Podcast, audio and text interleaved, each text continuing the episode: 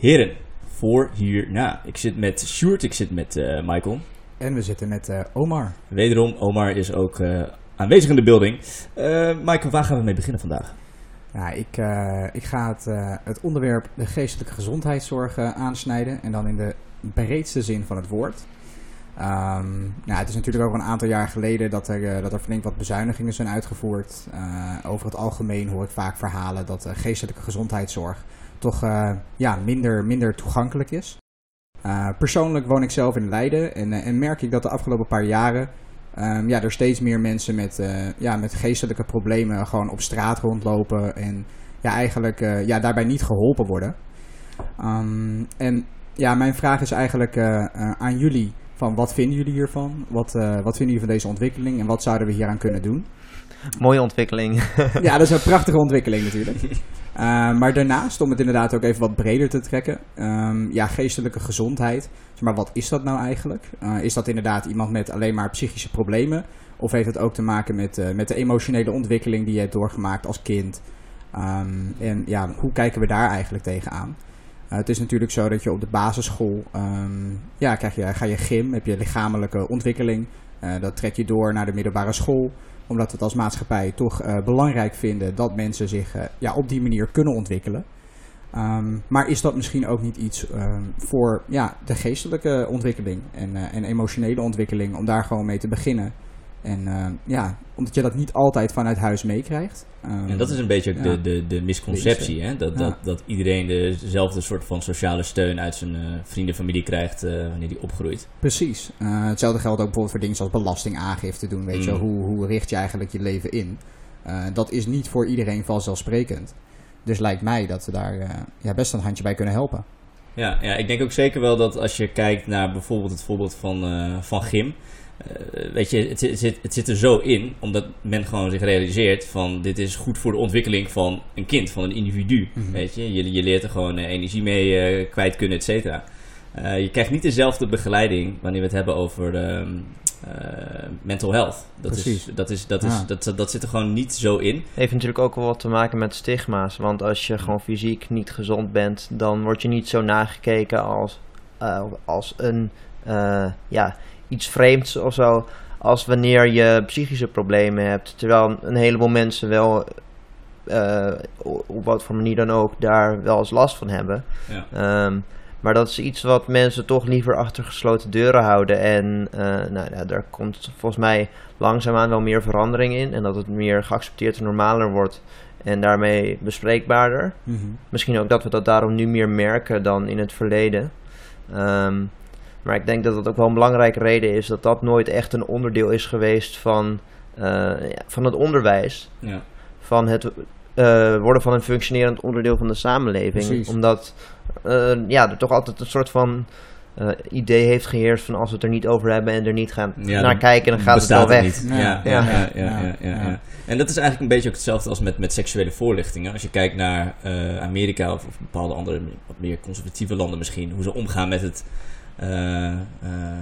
topic van seksuele voorlichting op, op, uh, mm. op, middelbare scholen. Er zijn staten in Amerika waarbij dat gewoon verbannen is. Ja. Waarbij je het niet eens over mag hebben. Nou, dat zijn wij natuurlijk best wel progressief in Nederland in de zin van dat wij daar niet vroeg genoeg mee kunnen beginnen. In ieder geval vanaf de middelbare school. Ja. En, en, en, dat zit er hier wel goed ingebakken. Ik denk dat wij wel in dit land een soort van nou, unieke...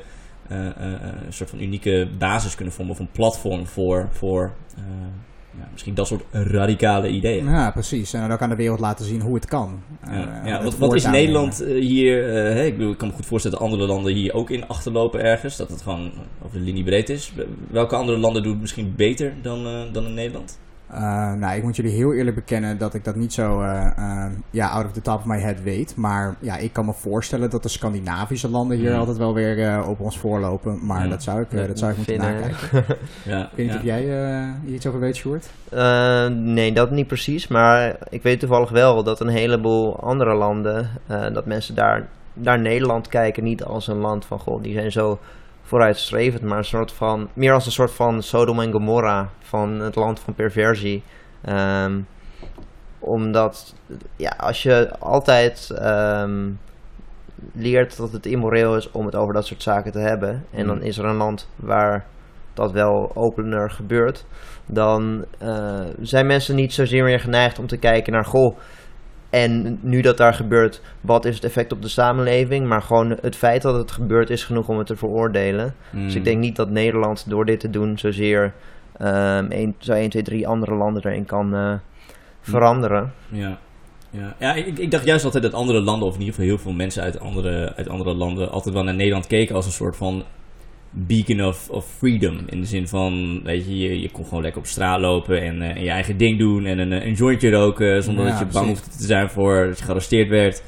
Ehm, ik, keek ook, hè, ik denk dat wel in vrijheid men gewoon vaak een soort van eh, vaak sinds eh, achterna gaat. Ik denk wel dat zo'n verandering in een samenleving nooit van buitenaf kan komen. Nee. Je kan niet bijvoorbeeld zeggen van wij gaan als Nederland proberen om in Roemenië het homohuwelijk er doorheen te lobbyen of zo. Dat, eh, ik bedoel, dat, dat kan Nou ja, juridisch gezien nooit. wel lukken. ja, ja, alleen de- daar- dan, dan los je het probleem in de samenleving daar Nee. met de homofobie Nee. niet nee. op. Nee. Ik denk ook dat het een kwestie is van leading by example. Ja. Als wij inderdaad gewoon eerst op focussen op onszelf. En laten zien dat de samenleving dan, gelooft of niet, niet instort. Ja, Mhm. precies. Precies. Ehm, Ja, niet alle kerken zijn opeens aan het afvikken op het moment dat je deze Nee. wetten doorheen drukt. Ja, maar wat je, wat je nu ook wel dan ziet in ieder geval eh, in Nederland, is je hebt natuurlijk wel op veel middelbare scholen, mocht een kind eh, problemen hebben, een soort van schoolpsycholoog waar ze naartoe zouden kunnen. Ja, maar dan loop je eigenlijk ja. ook wel achter de feiten aan. Ja. En want het gaat denk ik ook niet alleen over. Natuurlijk gaat het over, over kinderen die uit eh, ja, achtergestelde gezinnen komen, die bepaalde levenslessen bijvoorbeeld niet meekrijgen. Maar ik denk ook juist eh, ja, eh, mensen die uit een, een hoger segment komen, die ja, misschien bepaalde eh, vaardigheden niet hebben ontwikkeld, juist omdat ze geen, geen, geen struggle mee hebben moeten maken. Juist omdat ze in die bubbel zaten. Precies, omdat En ze ik ook denk- in hun eigen bubbel zitten. Ik denk ook dat dat niet echt iets oplost. Omdat om naar zo'n vertrouwenspersoon of schoolpsycholoog toe te gaan, daar, dat moet je proactief doen. En ehm, het is natuurlijk heel vaak het geval als je met dat soort problemen kampt, dat je juist eh, die hulp en die ondersteuning nodig hebt. Mhm. En als dan uiteindelijk als eh, schoolkind van 14 of zo de verantwoordelijkheid bij jezelf ligt om daar maar achteraan te gaan, dan zullen er vast wel mensen bij zitten die daar inderdaad gebruik van maken. Ja. Maar ook een heleboel niet, ook afhankelijk van het soort problemen Ja. dat men ja, heeft. Ja. Ja, ik denk ook eh, dat uiteindelijk de, de beste oplossing zou zijn als hetzelfde als een gymleraar instellen. Het is gewoon de, de, de, de geestelijke leraar. Dat klinkt heel eh, verkeerd alsof het een soort van religie, eh, de geestelijke leider betreft.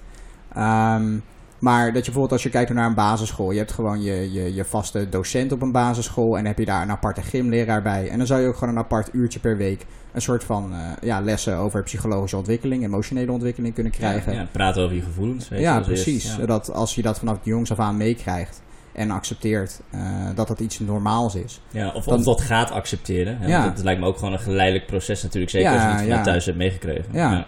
Dat we uiteindelijk gewoon ook een eh, gezondere maatschappij hebben. Waarin we het misschien ook gewoon allemaal beter met elkaar kunnen vinden. Omdat we in Ja. elkaars schoenen kunnen staan. En, eh, Ja, het. Het, het complexe is wel dat, hè, en dit gaf je net ook al aan met, met laten we zeggen, de, de more privileged eh, among us.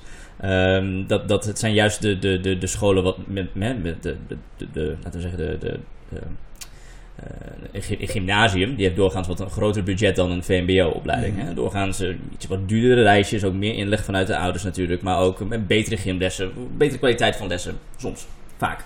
En ehm, wat, het, eh, wat het denk ik lastig maakt voor, eh, als we gewoon kijken naar scholen, hoe ze opereren, is dat, nou, welke scholen hebben de meeste hulp nodig? Dat zijn natuurlijk de scholen in achterstandswijken, dat zijn natuurlijk de, hè, een bepaald segment van de bevolking. En dat zijn juist ook de mensen die het meest zouden hebben aan extra investering in onderwijs. Dus het zijn vaak de kinderen uit de hogere klassen die natuurlijk ook wat meer ondersteuning krijgen vanuit hun ouders. Omdat de ouders die weten gewoon hoe het werkt. Ze weten hoe Mhm. ze belasting moeten aanvragen. Ze snappen de waarde van gewoon Ja, grenzen stellen, et cetera. En soms komt een kind gewoon eh, ja, de, de, de middelbare schooltijd in. Met een bepaalde achterstand. Gewoon puur vanuit de persoonlijke sfeer.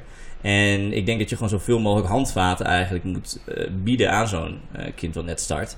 Om te kijken van nou, kunnen we iedereen een soort van gelijk trekken. In ieder geval qua mentale gezondheid eh, betreft. ja, ja. En, en, en dan vanuit daar voort. En sommige mensen die hebben het niet nodig. En dat is helemaal fantastisch. Maar als je dat in ieder geval wel presenteert in een eh, klaslokaal setting. Net zoals bijvoorbeeld met eh, seksuele voorlichting. Ja. En niet wacht tot een kind in de problemen komt en dan moet aankloppen zelf bij een, schoolpsycholoog. Ja, precies. dat, eh, Ja. dan, heb, dan heb je al veel voorkomen, denk ik. Nou, En als het daar dan op aankomt, dus dat er hulp gezocht moet worden voor problemen die al zijn ontstaan op of na schooltijd, later in het leven, Hmm. dan is het in veel gevallen ook zo ehm, dat er niet meer. Dat, nou, het probleem wordt wel opgelost. ehm, alleen het is niet zo dat datgene waar je dan last van hebt, dat dat het probleem is. Jij bent als individu met eh, een eh, bepaalde psychische conditie het probleem. Dus eh, ik heb toevallig uit mijn eh, persoonlijke sfeer wel ervaring ook met mensen die last hebben van bijvoorbeeld een psychose.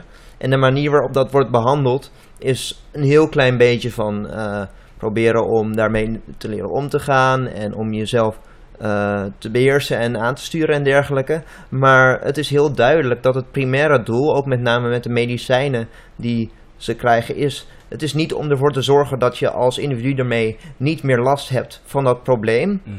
Maar je bent als individu het probleem en je krijgt die medicijnen zodat de samenleving geen last meer van jou heeft. Ja, dat je geen va- gevaar vormt voor je, voor je omgeving. Ja. Maar wat, wat, wat zou een alternatief zijn, Sjoerd? Ja, het is natuurlijk ehm, niet eh, zo makkelijk om zo'n probleem aan te pakken. Maar ik denk wel dat het wel in ieder geval goed is om daar meer bewustzijn over te hebben. Want bijvoorbeeld antipsychotica, het is niet Ja. zo, dat die specifiek psychoses onderdrukken. Die onderdrukken gewoon zo ongeveer elke vorm van emotionele activiteit. Waardoor je, wat er overblijft, een soort van biologisch batterijtje Een is. Ja, en dan, eh, ik bedoel, dat is een iets, ge, iets verfijndere manier van mensen gewoon in het gekhuis stoppen. Het verschil is dat je ze niet in een kooitje hoeft te stoppen. Maar het effect is exact hetzelfde. ja. Het is een beetje ook qua dat juist eh, lastig. Ik denk dat die balans vinden tussen enerzijds niet zomaar mensen uit een een of andere instelling laten rondlopen. eh, vrij eruit laten lopen zoals nog wel eens gebeurt in Nederland. Omdat het onderdeel is van hun traject. En, en eh, we kunnen het misschien nog wel een paar jaar geleden eh, eh, herinneren hier in de, in de buurt van Utrecht met Ja. eh, Anne Faber. Ehm, een typisch voorbeeld, een school, eh, voorbeeld van eh, hoe het ook niet moet gaan. Hoe dat systeem ook gewoon complete cracks heeft. En dat iemand maar lang genoeg het vol te houden in zo'n traject. En dan vervolgens alsnog in de fout kan gaan. En een compleet onschuldig iemand Ja. kan. Dus, dus ik snap ook heel goed wel de angst erachter. Maar het kan niet zo zijn dat we gewoon maar denken dat de oplossing is mensen helemaal kapot drogeren. Nee, en dan nee, is het nee, probleem. Nou ja, opgelost. we moeten vooral niet doen alsof de eh, psychische wetenschap, de psychiatrische wetenschap, dit probleem heeft opgelost. Alsof we daarachter zijn hoe we dit kunnen verhelpen, want dat is gewoon niet zo. En ik denk dat dat het beste uitgangspunt is.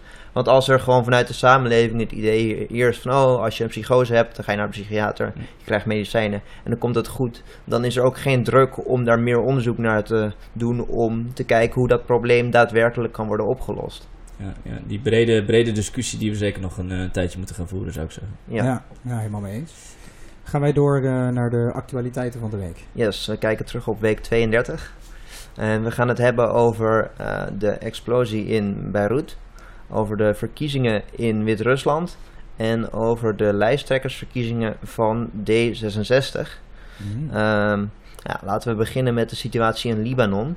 Eh, iedereen heeft het inmiddels natuurlijk wel gehoord, eh, waarbij eh, door ja, nalatigheid en, en corruptie in de bureaucratie een lading chemicaliën sinds 2013 ergens eh, lag opgeslagen, zonder dat er naar werd omgekeken of eh, dat er iets mee werd gedaan. En ehm, ja, dat heeft tot deze tragedie geleid.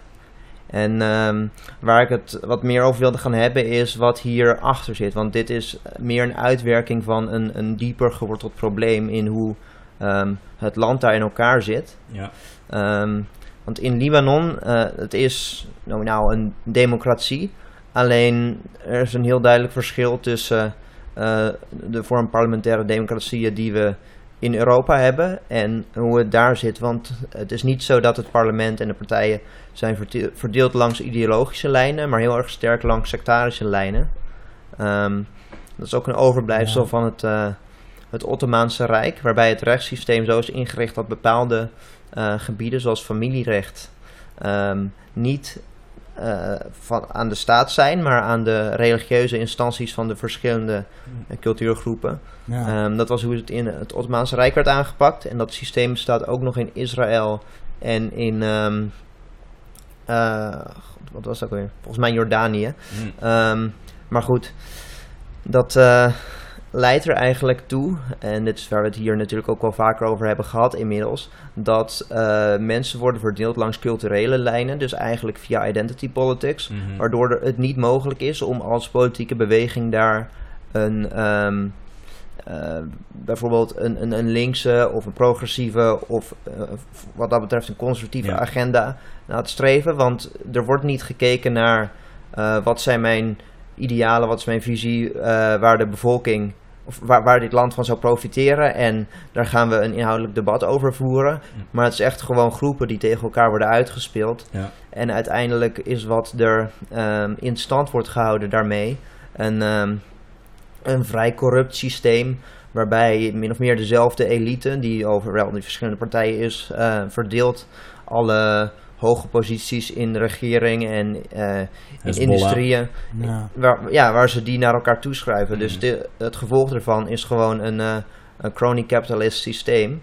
Ehm, ja, Corruptie zit daar eh, zit, er- zit er zwaar, zwaar diep, denk ik, in. En ik denk dat het ook mede wordt stand gehouden door verschillende factoren. Hè. Je hebt natuurlijk die eh, desastreuze oorlog in de jaren tachtig tussen Israël en, eh, en Libanon. ja. Vele, vele doden, voornamelijk aan de, aan de Libanese kant.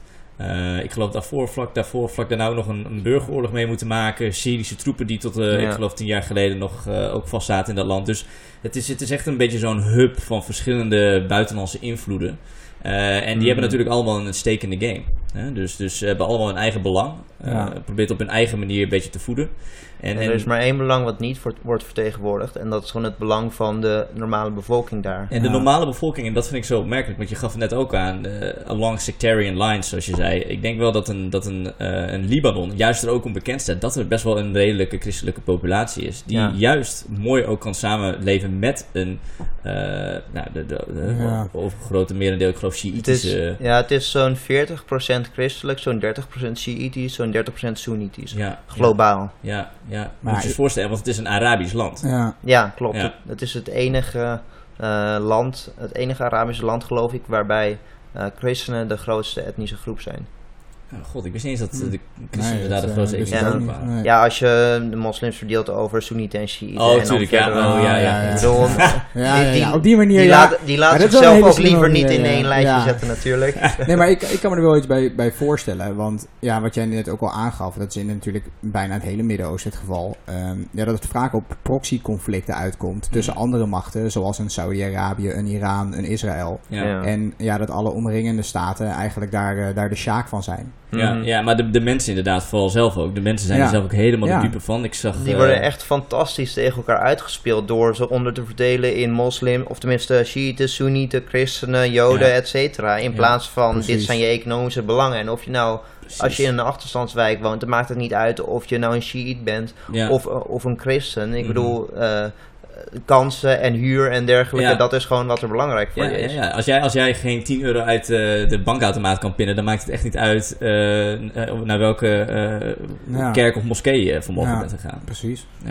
Ja. ja. Ja, Ja, daarnaast weer even terug te komen natuurlijk op, eh, op de actualiteit zelf. Ehm, ja, de, de gevolgen van die explosie die zijn natuurlijk die zijn desastreus. Het is, eh, voor zover ik het heb begrepen, het economische hart van Libanon. Eh, het is ook nog eens in de haven waar al hun handel gedreven wordt. Ja. Ja. Weet je, het is niet alleen de stad die hiermee te maken heeft. Het is inderdaad straks het hele land die, die, die gewoon hier de economische gevolgen ook van gaat merken. En het is ook niet zo dat men dit niet wist. Ik bedoel, er waren mensen die daar bewust van waren dat het er lag. En dat het nou moest worden gedaan. Want Dus het die werd hadden... gedumpt, toch? Het was zeg maar op een soort van doorvoer naar, ik geloof ergens in Afrika, als ik het juist had. Ja, en dat, mocht- dat, kwam daar, eh, dat, dat kwam daar vast te zitten. En die eh, transporteur, eh, of dat bedrijf dat dat eh, vervoerde, die moest het ergens kwijt. Dus die hadden het inderdaad gewoon ergens gedumpt. En die werden toen, ja precies, en die werden toen aangeklaagd. En die, ehm, uiteindelijk heeft, hebben die rechters ge- eh, eh, daar geen grond voor gevonden om dat, eh, ja, om daar in te grijpen. En uiteindelijk elke persoon in die keten die wist wat er aan de hand was. En die gewoon het aan de grote klok had moeten hangen.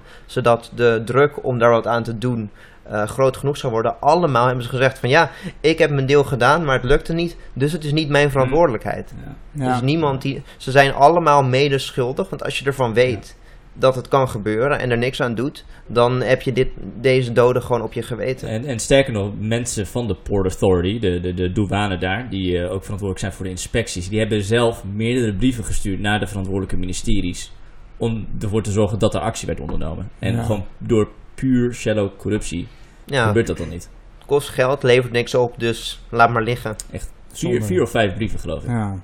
Ja, Goed, nou, we houden het eh, zeker in de gaten. What's, eh, what's next, Sjoerd? ja eh, daarnaast gaan we het nu hebben over de verkiezingen in Wit-Rusland. eh, waar de zittende president Lukashenko voor de... Oh, wat zal het nou zijn? De vijfde keer geloof ik. De zesde keer ehm, zijn eh, herverkiezing eh, probeert te winnen. De president tussen aanhalingstekens. Nou ja, ze- ik zou zeggen herverkiezing tussen aanhalingstekens. Ja. Hij is in eh, 1994, toen eh, na het uiteenvallen van de Sovjet-Unie, aan de macht gekomen. Toen heeft hij in de eerste ronde eh, net niet de helft van de stemmen gekregen. En in de tweede ronde heeft hij eh, ja, ruimschoots gewonnen.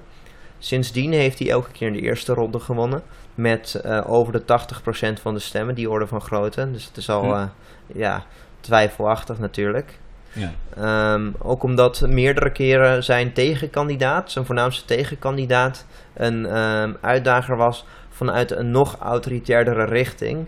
Ehm, dus bijvoorbeeld vanuit de Liberaal-Democratische Partij. En laat de naam je niet misleiden, die partij is nog liberaal, nog democratisch. Eh, en die is eh, gelieerd aan de Russische Liberaal-Democratische Partij. En ehm, die heeft een pan-Slavische ideologie, waarbij ze een soort van groot Slavisch Rijk willen opzetten. Dat strekt vanaf de Baltische Zee tot aan de Indische Oceaan. Eh, Zo. het is echt. eh, ja. We're fucked.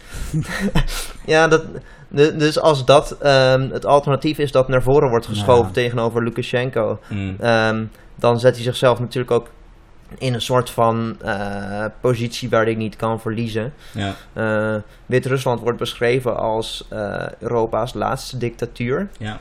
Maar wat deze situatie eh, van deze verkiezing ja, onderscheidt van in het verleden. ehm, de eerste keer dat er werd gepeild bij die verkiezingen, of voor die verkiezingen, was in 2015.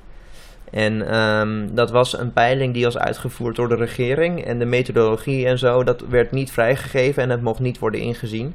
Ehm, en volgens die peiling zou Lukashenko ruimschoots winnen. En toen won hij ruimschoots. Ja. Dat is dit keer weer gebeurd. Alleen vanwege internet was ook daar ehm, toch meer en meer... eh, Internet coming here to screw Ja. your plans up. nou, dat zullen we nog zien. Maar in ieder geval, dat dringt meer en meer door. Ja. Er zijn dus on- online peilingen gedaan daar. Wat in het verleden... Ja, daar was de infrastructuur er gewoon nog niet voor. Dat is ook een van de armste landen van eh, Europa. en hoe, wat, wat was het percentage online? Ehm, er waren twee kandidaten die een significant eh, percentage van de steun hadden. Dus ehm, dat, nou, dat zijn... daar- Svetlana Tikhanovskaya. ja, in ieder geval, er waren zo'n 15 kandidaten als optie gegeven in die peiling. Oh, ja, 15. Nee, laat maar zitten. en, Ga je ze eh, allemaal eh, opnoemen ook. en, twee, en twee daarvan die, eh, kre- ja, die strijden om de eerste en de tweede plaats. En geen van die twee is Lukashenko. In die peilingen ehm, staat Lukashenko op tussen de 6 en de 1 procent. Maar er was dit eh, jaar weer een eh, officiële regeringspeiling gedaan. En daarbij staat hij op een eh, ruime marge van, ik geloof, 72 procent.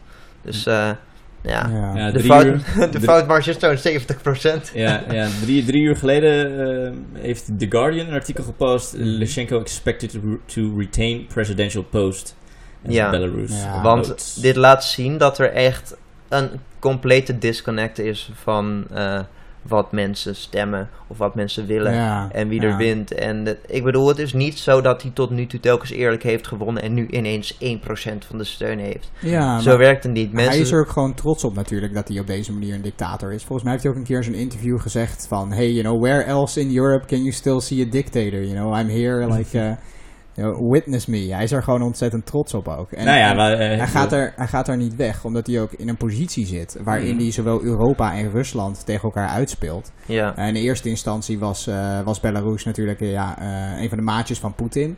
Maar dat is onlangs eigenlijk ook wel ook veranderd. Ja, wat, wat, wat is daar gebeurd? Want ik, ik had iets gelezen dat er, dat er Russische troepen gepakt waren in Wit-Rusland. Ja, er is, afgelopen eh, paar weken. Er is, eh, er is een hoop gebeurd. Dat is onder andere eh, gebeurd. Maar een tijd geleden heeft Lukashenko ook al gedreigd met dat hij gas wilde gaan, eh, Ehm, ja, een soort van stelen van Rusland. Want er lopen van die pijplijnen natuurlijk door Belarus heen om, eh, om de rest van Europa te kunnen voorzien van gas. Boren. En eh, ja, op die manier probeert hij dan dus ja, ook wel wat meer weer uit Poetin te halen door een beetje te dreigen. of dan zegt hij, nou, ik trek meer naar Europa. Of dan zegt hij weer tegen Europa, ik trek weer meer naar Volgens mij heeft China de laatste tijd ook wel meer invloed gekregen in Wit-Rusland. Ah, Ehm, Dus het is een eh, derde ja, ja. speler in het veld natuurlijk. Ja, maar we zitten ook niet meer in zo'n, eh, ja, hoe je dat in internationale betrekkingen zou omschrijven, een paar jaar terug, een unipolaire wereld waarin de Verenigde Staten ja. Ja, de dienst uitmaakte en de politieagent was. Maar we zitten nu inmiddels in een, eh, in een multipolaire wereld waarin Mhm. verschillende spelers eh, ja, tegen elkaar opnemen. En ja. als je ja, als, als, eh, als eh, zwakste ehm, ja, ben je daarbij eigenlijk de Sjaak. En daaronder valt dan ook een Wit-Rusland. Maar het valt nog wel te zien wat er deze keer gaat gebeuren. Want die verkiezingen, ik bedoel, er is geen enkele reden ehm, om te geloven dat eh, Lukashenko na eh, 25 jaar systematisch verkiezing na verkiezing duidelijk te hebben gesaboteerd. Dat ze dat nu in één keer niet gaan doen vanwege een aantal online peilingen. Eh, dus Nee, ik waar. twijfel er niet aan dat hij niet weer gaat winnen, tussen aanhalingstekens. Mhm. Ehm, maar het zou wel kunnen dat deze situatie toch eh, anders uitwerkt, omdat het nu zo onontkenbaar visueel duidelijk wordt voor ook mensen in Wit-Rusland zelf die eh, zelf die, die peilingen kunnen zien en zich realiseren van wacht, ik ben niet de enige die een hekel heeft aan deze lul. Ja. Eh, iedereen heeft een hekel aan deze lul. En dat de enige manier om zo'n dictator uit het zadel te helpen is als het volk zich grootschalig mobiliseert. ja. En in het verleden is dat waarschijnlijk niet gebeurd vanwege een aantal redenen. Dus eh, angst voor gewelddadige ehm, repressie en ehm, ook een soort van gevoel van machteloosheid. Omdat je denkt van ja, dat gaat toch nooit lukken. Maar misschien kan dit dat tweede wel beïnvloeden. En dat mensen nu op een punt komen waar ze zeggen van ja, we zijn er nu echt helemaal klaar mee. En we geloven dat het kan, omdat we niet de enige zijn die er zo naar kijken. ja. En Ja. laten we hopen dat als dat gebeurt, dat dat op een, ehm, een goede manier gebeurt. En dat er geen ehm, grootschalig bloedvergiet ontstaat. Ja, dat, dat hebben ze ook gezegd bij die demon, eh, demonstraties hè, van, eh, tegen Lushenko gericht dan, eh, vanuit de oppositie. Van waarom zit je ons zo te provoceren? Wat is hier de reden voor? Wij willen gewoon Ja. eerlijke verkiezingen. We zijn niet op zoek naar een revolutie, we zijn niet op zoek naar een coup. We willen gewoon eerlijke verkiezingen. En Ja, ik denk dat, het gaat niet gebeuren. Nee. ja, ik, ik, ik, Nee. ik ben zeer benieuwd. Want mis- misschien was de tactiek, tactiek nu gewoon. Ik denk dat het ook heel onvolwassen kan voor Lukashenko. Ehm, maar dat ze gewoon eh, ho- ho- hopen dat eh, Ja. zijn we lang genoeg stil, dan waait de wind wel over. Dan blaast het wel voorbij. ja. En dan kunnen we gewoon alsnog back in eh our Ja. dictatorial. Nou ja, als, als hij ehm, die verkiezingen daadwerkelijk eerlijk laat verlopen, dan is het zijn laatste termijn. En dat wil hij natuurlijk niet. Nee. Ehm, 26 jaar nu aan de macht, eh dat ik. ja, Ja. precies. Dus hij Those gaat in power want to stay in power. hè? Ja, hij gaat sowieso niet eh, dat nu ineens veranderen. Dus eh, tenzij het huidige systeem zich er echt compleet toe genoodzaakt voelt, ofwel doordat hij eh, vanwege het eh, aantal mensen dat op straat staat te staken, eh, denkt van nou mijn leven is niet zeker als ik hier blijf. Of als, ehm, eh, als de mensen om hem heen, want ik bedoel het systeem hangt natuurlijk niet van één persoon af. Ehm, vanwege hun eigen hartje denken dat, nou ja, dat het Ja. beter is om overstag te gaan. Mm. Dat zijn denk ik de twee mogelijkheden waarop er iets kan veranderen. Niet door eerlijke verkiezingen. Ja, Want ja. het, gaat, eh, eh, Ja. het, het gaat niet gebeuren. En het zou best kunnen dat hij dan daadwerkelijk eh, wint. Omdat mensen ook met deze COVID-situatie überhaupt niet naar de stembus willen gaan. Ik denk dat je, daar, dat je daar echt helemaal gelijk in hebt. En iemand als een Lukashenko in zo'n autoritair regime, die moet gewoon opzij gezet worden door ja, de elite binnen dat systeem. Ja, of En- door het volk. Ja, maar wat, wat, je inderdaad, wat je nu zou zien is dat hij natuurlijk, hij provoceert ze. Ja. In de hoop van dat er een soort van rellen ontstaan, dan kan hij dat neerslaan en dan is het afgelopen. Hm. Maar ja, daar gaan ze niet op in. Alleen, ja, Nee. eerlijke verkiezingen zullen ze ook niet krijgen. Nee, dus maar dan het, vrees ik dat het je een voert soort wel van, de druk op. Ja, Dat is ook wat er in druk eh, op, maar of 2018... het uiteindelijk effect heeft, Ja, dat is ook wat er in 2018 in Armenië is gebeurd. Waarbij ook eh, toen daar demonstraties waren tegen de regering. ehm, de politie door middel van eh, rookgranaten en dergelijke probeerde om eh, de eh, demonstranten gewelddadig te maken. En dat hebben ze toen niet gedaan. En om die reden eh, werd de steun voor, eh, voor de demonstranten juist groter. En hetzelfde geldt nu zeer waarschijnlijk in Wit-Rusland. Als ehm, de demonstranten eh, vredig blijven en de politie steeds meer en meer provoceert, dan zijn er steeds meer mensen eh, die daar naar kijken en gewoon niet kunnen ontkennen. Dit, dit eh, is een soort van James Bond villain gedrag waarbij één kant duidelijk onschuldig is en de andere gewoon de onderdrukker. En dat is in veel gevallen in de geschiedenis een factor geweest om zulke bewegingen te laten slagen. Gaan we door naar het, eh, het volgende onderwerp. Yes, eh, de derde actualiteit waar we het over gaan hebben, dat is eh, de lijsttrekkersverkiezingen van D66. Ehm, er heeft zich namelijk een nieuwe kandidaat aangediend.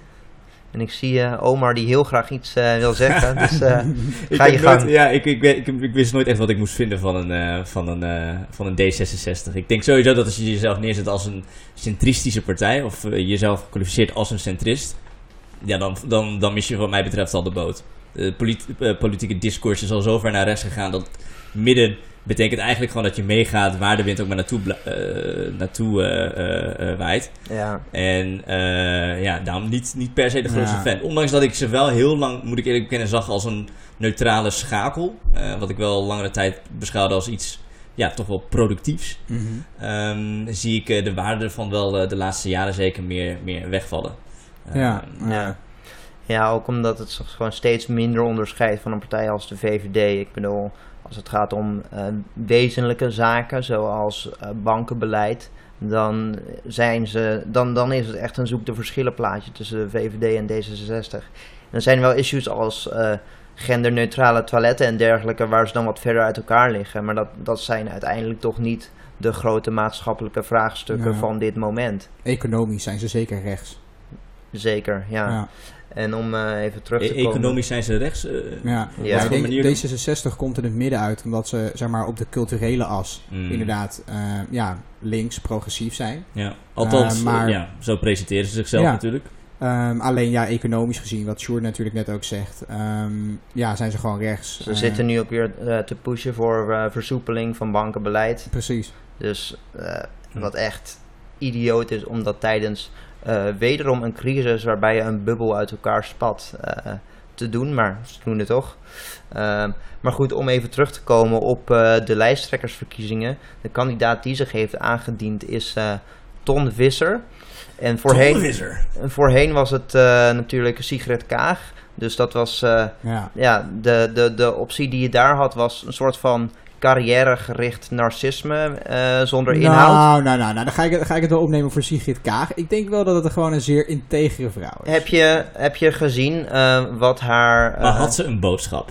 Dus dat ze integer was, ala, maar had ze echt een boodschap? haar boodschap was dat ze premier wilde worden? Haar boodschap was, dingen moeten anders. Ja, nou ja, dingen, als ik kijk naar moeten wat anders, ze maar dingen zei- moeten toch ook anders? Ja, maar zonder echt daadwerkelijk in te gaan op zeg maar policy, weet je. Leek- Change! Ja, ja, Ja, ja, heel erg neer te komen op daar gewoon weer jullie- hetzelfde. Daar hebben jullie helemaal gelijk in. Ehm, echter is het natuurlijk wel dat als je, als je een beetje kijkt naar, naar Kaag haar leven en wat ze allemaal heeft gedaan en hoe zij in het leven staat, heb ik er meer vertrouwen in dat zij Nederland de goede kant op kan sturen dan iemand als Rutte. Die helemaal inderdaad gewoon zegt, ik heb geen ideologie, ik kom uit een bepaald milieu en eh, ja, het kan me eigenlijk allemaal vrij weinig schelen. Maar er Ook is ik heel dacht- wei- Voor ooit, Zwarte Piet is gewoon zwart. Ja, precies. Ja, Maar- en dat, ik denk dat een Kaag zou dat nooit zeggen. Nee, maar er is heel weinig Kaag verschil zou tussen zeggen, iemand... ik zie geen kleur. Ja, ja, dat is waar, dat is waar. Er is, Ja. iemand, er is een verschil tussen iemand die zegt ik heb geen ideologie en er is een verschil tussen en en iemand die zegt ik heb het wel, alleen vervolgens niet vertelt wat dat is.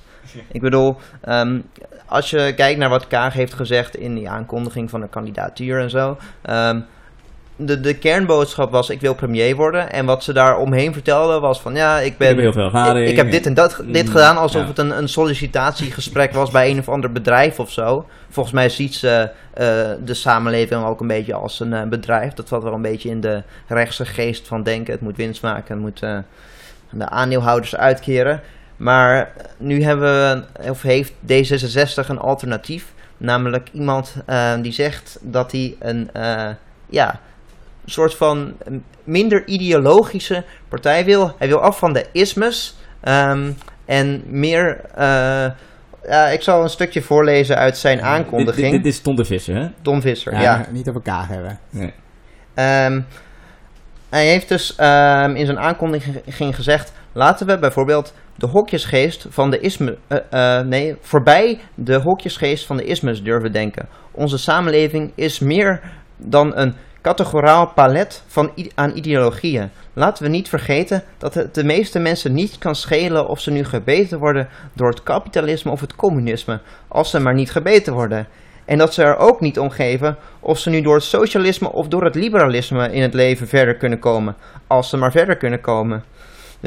Het, het, Ja. het komt echt heel erg over als, als iemand die inderdaad wil verbinden met gewoon de zorg van normale mensen. Als je een zin uitspreekt als onze samenleving is meer dan een categoraal palet aan ideologieën. Ja, dat Ja. komt echt heel hoe, erg Hoe connect je met de arbeidersklasse? ja, ja, ja, precies, ja.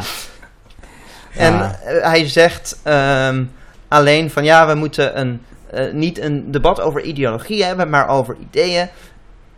Vervolgens zegt hij letterlijk niks, nul, wat hij daadwerkelijk wil gaan doen. Welke kant hij de partij op wil sturen. Ja. Bijvoorbeeld, ik wil eh, richting een sociale zorgsysteem. Of ik wil de regels van de banken verder versoepelen. Of juist niet. Ik Ja. bedoel, zelfs als hij gewoon openlijk zegt... Goh, ik wil de partij naar rechts sturen door bijvoorbeeld meer voor versoepeling van de banken te zijn, Ja. zeg maar wat. Zelfs dan, dat zou ik meer respecteren Mhm. dan, dan dat wat hij nu doet en gewoon een, een soort van Neem o- een, een, een, een woordensalade voorschotelt die een niks betekent. Ja, neem een duidelijke stelling in. Weet je, net zoals met Pieter On, eh, Omtzigt. Je, je kan het met hem eens zijn of niet, maar hij heeft duidelijk een positie, een rol ingenomen. En zo is hij die strijd aangegaan. Los Ja. van wat je er verder van vindt. Ik heb er nog meer respect voor een Sigrid Kaag, die in ieder geval nog haar eigen ervaring erbij betrekt. Want Ja. dit is echt ja. helemaal niks. Ja, zeker. En wat mij betreft, als je überhaupt waar dan ook gaat stemmen, dan moet de vraag zijn: Goh, het uitga- de eerste vraag is: ehm, wat wil je dat er gebeurt? Concreet. En vervolgens, als ik op deze persoon stem, wat vertelt hij mij dat er dan zou gebeuren? Maar dat vertellen ze je niet. Nee. En het mooiste en het ook Ze gaan juist zitten in dat hokje van, van ideologieën en het juist Ja. een beetje eh, muddying Ja. the waters. Ja, zeker. Dit komt ook gewoon heel erg over als het, eh, ja, het, het uitgekoude neoliberale pragmatiek denken van de tijd van ideologie is voorbij en we moeten gewoon pragmatisch over ideeën denken. En dus de The end of die history is here. afschudt. Ja, precies. Ja. Ehm, ik zal nog eh, mijn favoriete gedeelte van zijn eh, aankondiging nog een keer voorlezen. Ehm, ik heb een droom. Een droom voor ons, voor D66, voor Nederland, voor Europa, voor de hele wereld eigenlijk. Alleen voor een kleine jongen uit een klein dorp in Brabant is de hele wereld misschien een mate ambitieus. Voor ons dus. ja. Toch niet zo... ik eh, denk dat ik eh, voor Sigrid eh ik, eh, ga- ga, ik, eh, ja, ja, als ik eh, kon stemmen bij eh, de D66-verkiezingen, dan eh had Nou, ik op Kaag gestemd. Als ik, ja.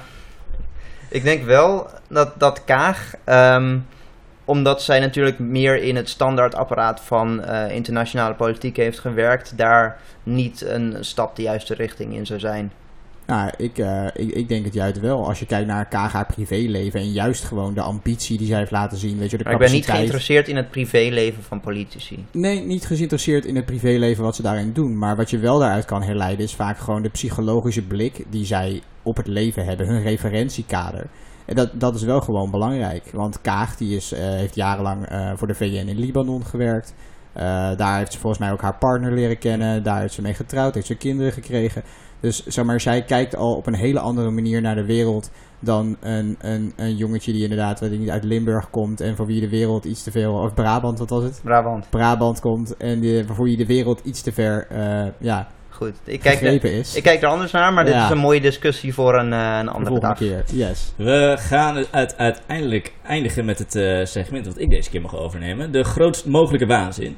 En deze keer in de grootst mogelijke waanzin gaan we het hebben over eh, Joe Biden. Nou, we kennen Joe Biden natuurlijk wel als de vice-president van eh, Barack Obama, acht jaar lang. Eh, Als ik even mag inbreken, dit sluit ook natuurlijk mooi aan op eh, ons eerste segment over de geestelijke gezondheid. Ga Oh, verder. ja, nou dan hebben we nu even een prime example inderdaad eh, hier voor ons bedankt shirt. Ja, we kennen natuurlijk Joe Biden niet alleen maar van zijn acht jaar als vice-president. Hij heeft ook daarvoor sinds de jaren tachtig in de Senaat gezeten. Sterker nog, in de jaren zeventig. Sinds mensheugenis. Sinds, ja, inderdaad. En eh, heeft dus twee keer nu ook meegedaan aan de presidentsverkiezingen. En is nu voor de eerste keer. keer... Drie keer. Ja, Drie keer meegedaan aan de presidentsverkiezingen. Ja, Wanneer was de eerste keer? in de jaren tachtig. No way. En toen heeft hij uiteindelijk ehm, zijn kandidatuur stopgezet, omdat hij bleek over alles wat betreft Oh ja. zijn, zijn achtergrond in eh, onderwijs en zo gelogen te hebben. Ja, Oh. ja, en dat brengt mij ook tot de grootst mogelijke waanzin. De, de, de grootste reden, en laten we wel even vooropstellen jongens, Trump is een complete manische psychopaat. Dat, dat weet iedereen. Ja. Alleen het grootste probleem, en dit is wat ik er zo ontzettend eh, kapot idioot aan vind, is dat de reden waarom Trump in 2015 won van Hillary Clinton, is omdat, eh, in de race van 2015, is omdat het voor de Amerikanen veel aan neerkwam op het kiezen tussen twee slechten, tussen twee kwaden. Je had heel veel mensen die hadden een snoeihekel aan, aan Hillary Clinton en alles waar ze voor stond, dat typische establishment politics. dat, dat, dat de corporate lobby gewoon meenemen in het, in, het, in het kabinet als het ware. En eh, men heeft nu precies dezelfde keuze weer. En waarom heeft men nu precies dezelfde keuze weer? Dat is dus omdat nou, de corporate establishment, weet je, dan hebben we het over de grote mediareuzen, maar dan hebben we het ook over gewoon heel veel andere grotere multinationals die allemaal hun, eh, hun eieren kwijt willen. Eh, die hebben gewoon Joe Biden vooruitgeschoven. Die hebben zo belachelijk veel geld in zijn campagne gestoken. En niet alleen maar een Joe Biden naar voren geholpen, maar een Amy Klobuchar, een, een Beto O'Rourke. Allemaal tijdens de verkiezingen. Kamala Harris. Toen het nog tussen een Bernie Sanders ging. Ja. Ja, inderdaad. Kamala Harris. Toen het nog toen het tussen Bernie Sanders ging en Joe Biden. Heeft iedereen dus, eh, ik geloof na Super Tuesday. eh, de, de dag dat eh, heel veel Amerikaanse staten gaan, gaan kiezen wie hun Democratic nominee wordt. Van de Democratische Partij. Die hebben dus toegekozen voor Joe Biden. En daarmee hebben ze nu precies dezelfde keuze gepresenteerd aan de Amerikaanse, aan de Amerikaanse volk als in 2015 of 2016. En, eh, en eh, ja, ik zie het een beetje als een, eh, als een recipe voor disaster. Ja. Ik heb straks nog een mooie minigame, maar your thoughts. Ja, ik denk dat je, dat je helemaal gelijk in hebt. Ik denk ook dat we een herhaling gaan zien van, van 2016. Ehm, Zie ja, je dat als een plausibel iets? Het, het feit dat het gewoon weer een herhaling wordt, dat Trump weer wordt herkozen? Het, want ja, laten we gewoon even eerlijk zijn. Ehm, Joe Biden is een Hillary 2.0, afgezien van het feit dat hij dan geen vrouw is. Ehm, waardoor hij, ja, jammer genoeg, eh, misschien zelfs nog wel meer kans maakt. Ehm, maar uiteindelijk is het onderaan de streep inderdaad wat jij zegt. Het is gewoon dezelfde corporate status quo.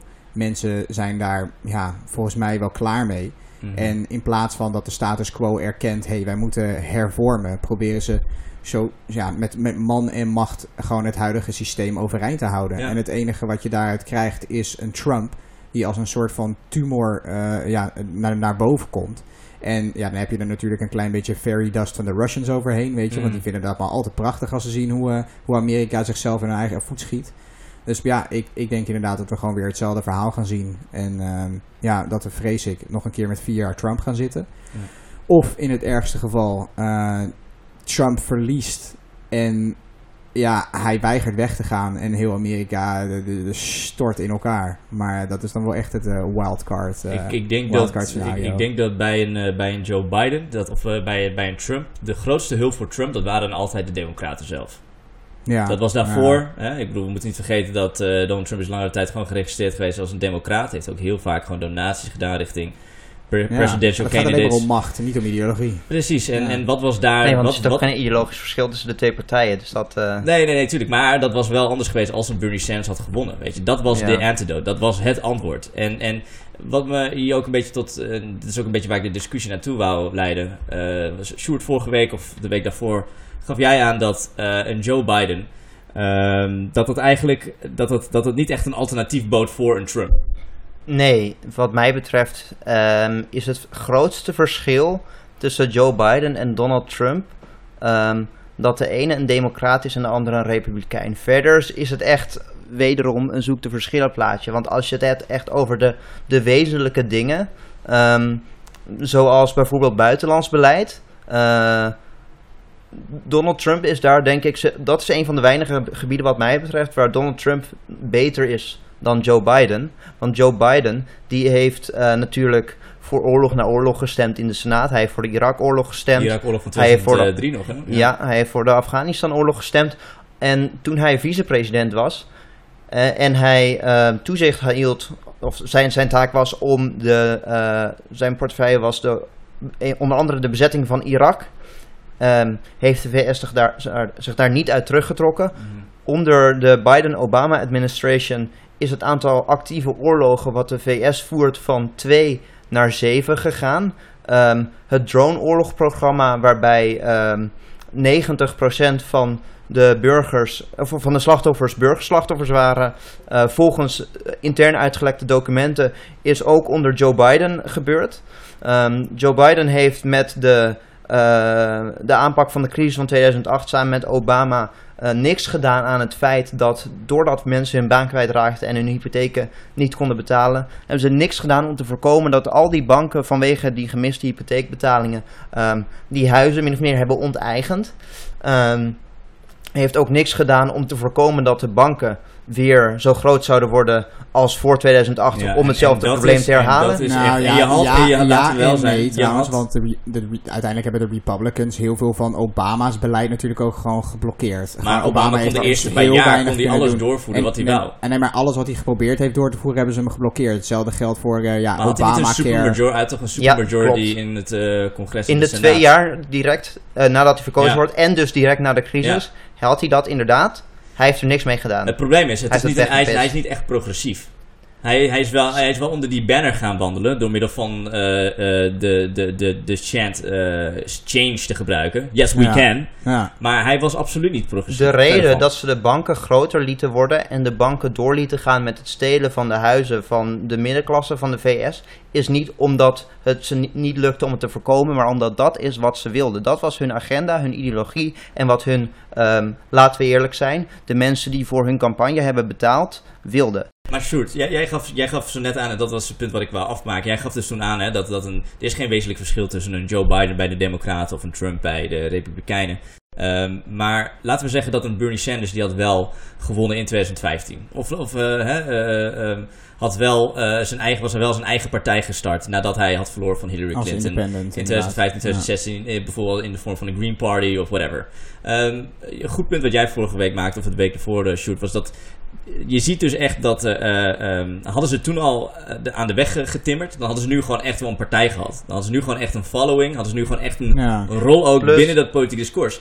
Alleen denk je niet dat hoe Bernie Sanders het heeft ingezet, is dat hij juist de democratische partij wou veranderen. Van binnenuit, omdat je daarmee echt gewoon in Ja. diezelfde power struggle zit. Ja, en dat is natuurlijk gewoon een waanbeeld dat dat kan. En dat is ook eh, Hij zeker... kwam dichtbij, twee keer kwam hij best dichtbij. Ja, Ja, maar en- bijna en- is een ander woord voor niet, zoals En uiteindelijk, nee, zei. maar ik ben het ook niet mee eens met dat hij het niet heeft veranderd. Het, het gebeurt alleen incrementeel. Er is geen, geen plotselinge verandering van, oh ja, en nu is de hele wereld anders. Mm. Nee, Ja, maar het de gebeurt toon die ze aanslaan is veranderd, maar de inhoud niet. Nee, dat is waar. Maar, en dan wil ik ook weer even terugkomen op, ehm, inderdaad, we toch hebben we nog weer een, een Obama inderdaad. Maar, hij erft uiteindelijk ook gewoon een systeem van Bush. En hetzelfde zal je straks ook gaan zien, is, is in eh, de volgende president, die erft natuurlijk weer een systeem van de president daarvoor, et cetera, et cetera. Mhm. En of je daar dan mee kan pronken, zoals Trump in eerste instantie heeft gedaan met, oh, kijk hoe geweldig onze economie er nu uitziet. Wat niet Maar- zo was.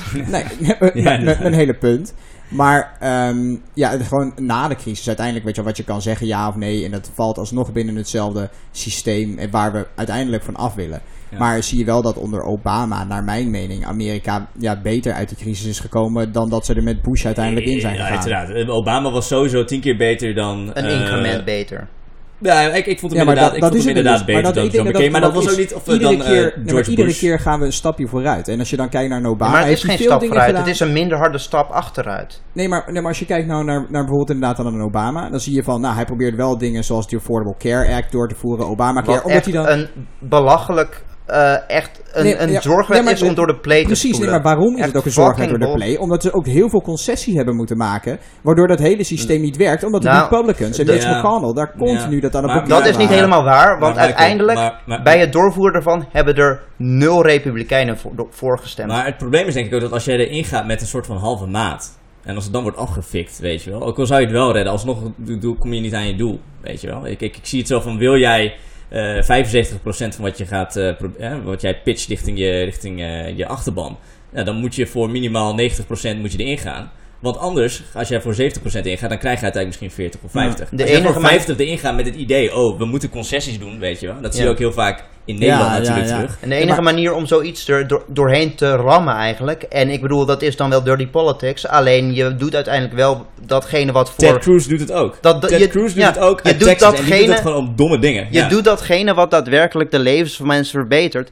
Wat je kan doen als je president bent, is je kan aankondigen: dit is de maatregel die we gaan nemen. We gaan een zorgfonds doorvoeren. Ja. En ehm, ik deel jullie als senatoren, als representatives mede. Jullie gaan hiervoor stemmen. En als je dat niet doet, dan gaan wij in je staat iemand vinden om een primary tegen jou te voeren. En ik ga voor Ja. diegene campagne voeren. En dat is wat Bernie Ik ben- Sanders zei. Deze Ja. struggle die stopt niet na de verkiezingen. Daarna gaan we elke staat, staat na staat Ja, staat. Je moet, de, je moet de publieke opinie en de, de woede die er bestaat Ja. gebruiken om zinnige verandering te krijgen. Alleen al die mensen die verkozen worden, ehm, voor een deel zijn dat mensen die ofwel het niet op die manier spelen, ofwel gewoon überhaupt niet die kant op willen, zoals een Obama en een Biden. En ehm, ik denk dat het wel een goed punt is om hierna nog aan te kaarten. Want Biden is, wat mij betreft, gewoon niet een verbetering ten opzichte van Trump.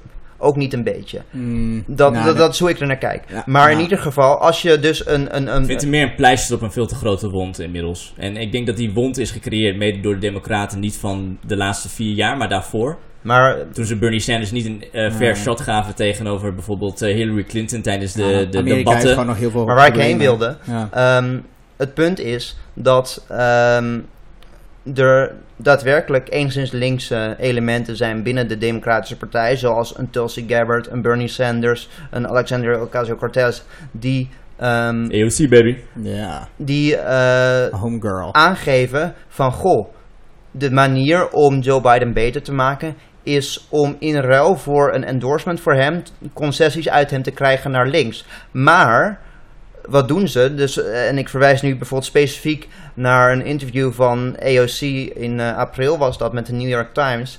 Ehm, daar zei zij dus als eerste van goh, ehm, Joe Biden die moet meer naar links komen om ons als kiezers tegemoet te komen. Volgende vraag die aan haar werd gesteld in dat interview. ehm, ga je Joe Biden steunen? Zij zegt ja. Dus gelijk geeft zij die toezegging al zonder dat zij iets uit hem heeft gekregen. Vervolgens klaagt ze erover dat Joe Biden niet op haar verzoeken ingaat om samen een town hall te doen om het over policy te hebben. Natuurlijk niet.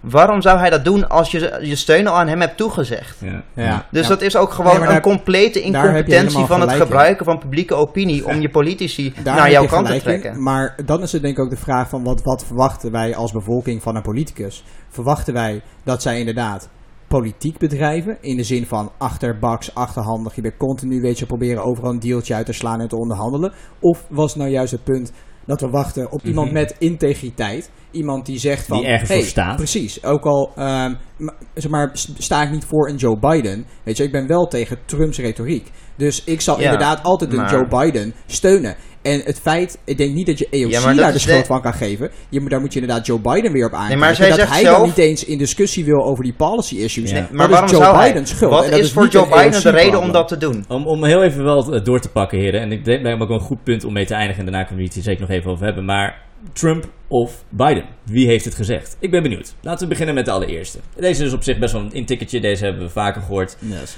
Look, John, last minute, uh, John's last minute economic plan does nothing to tackle the number one job facing the middle class. And it happens to be, as Barack says, a three letter word jobs. J O B S. Jobs. Ja. Ja, dat is, eh, dat is, eh, is Biden. Biden. Dat is ja, onze, dat is onze, Biden. dat is onze Biden. Ja, ja, ja. Oké, oké. Wat dachten jullie van deze? You're not black if you don't vote for me. ja, dat, ja, ja, Biden. ook Is dat, Biden. oh, ja. is dat, is dat ook Biden? Ja, jawel, dat was ook Biden, sowieso. Ah, shitcakes, shitcakes. Oké, oké. Wat dachten jullie hiervan? Isn't it, a, isn't it a bitch, the vice president thing? That was a joke. That was a joke. Best decision I ever made. I'm joking. That was a joke. Ehm, ja, ik zou zeggen eigenlijk Trump op de, zijn, zijn, de manier hoe deze zin gestructureerd is. Maar al gewoon puur omdat hij geen vice president is geweest, ga ik toch weer voor Joe Biden. Oké, de allerlaatste. de allerlaatste, dit is denk ik wel mijn, eh, mijn favoriet. Eh, even kijken hoor. Eh. I may be Irish, but I'm not stupid. ja, ja, dat is sowieso weer Joe Biden. Biden is Irish, Trump. ja. Hij volgens mij wel alleen maar Nee, Biden. nee, Biden is ook... eh, of, nee, nee, Trump die is... Trump, nee, Trump is. German, hij is Duits. Ja. Duits. ja, ja. Duits inderdaad. Ja, Trump. Trump. Trump, inderdaad. Ja, Ja, zo de- zie- die, eh, Toen zijn vader hier Last Week binnenkwam, Tonight toch? aflevering ook nooit Ja. gezien. Ja. Zijn, zijn opa geloof ik, maar goed, dat... eh, Zijn, Ja. opa, zijn, zijn opa inderdaad. ja. Opa Ja. was een Duitse migrant inderdaad. ja. Ja. Oh, how things change. Ja. Nou jongens, The more things change, the more they stay the same. Ja. voor hierna.